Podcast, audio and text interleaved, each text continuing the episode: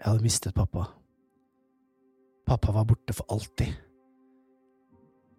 Jeg kunne ikke skjønne at det var mulig.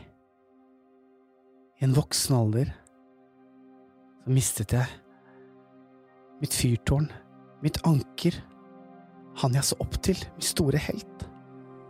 Nå måtte jeg finne veien selv.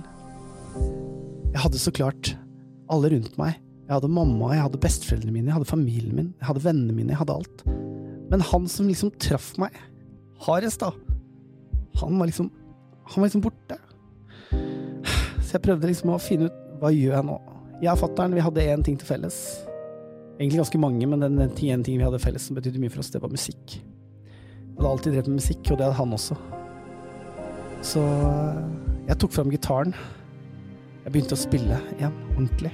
Jeg skrev masse låter. Jeg tenkte nå har jeg lyst til å gjøre pappa stolt av meg. Og så valgte jeg å følge min store drøm. Jeg gjorde det fordi at jeg tenkte at pappa kom til å være stolt, men jeg gjorde det også fordi at det, det var det jeg hadde lyst til.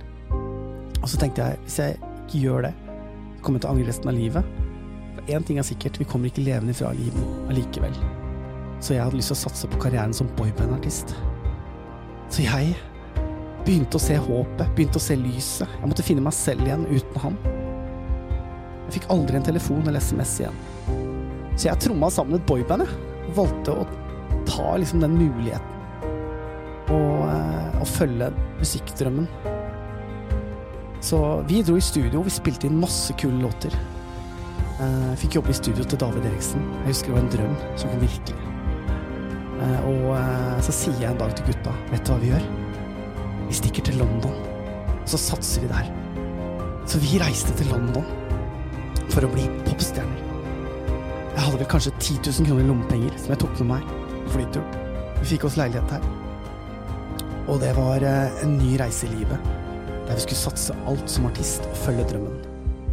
Ønsker du å høre hvordan eventyret ble til, så følg med. Neste episode kommer snart.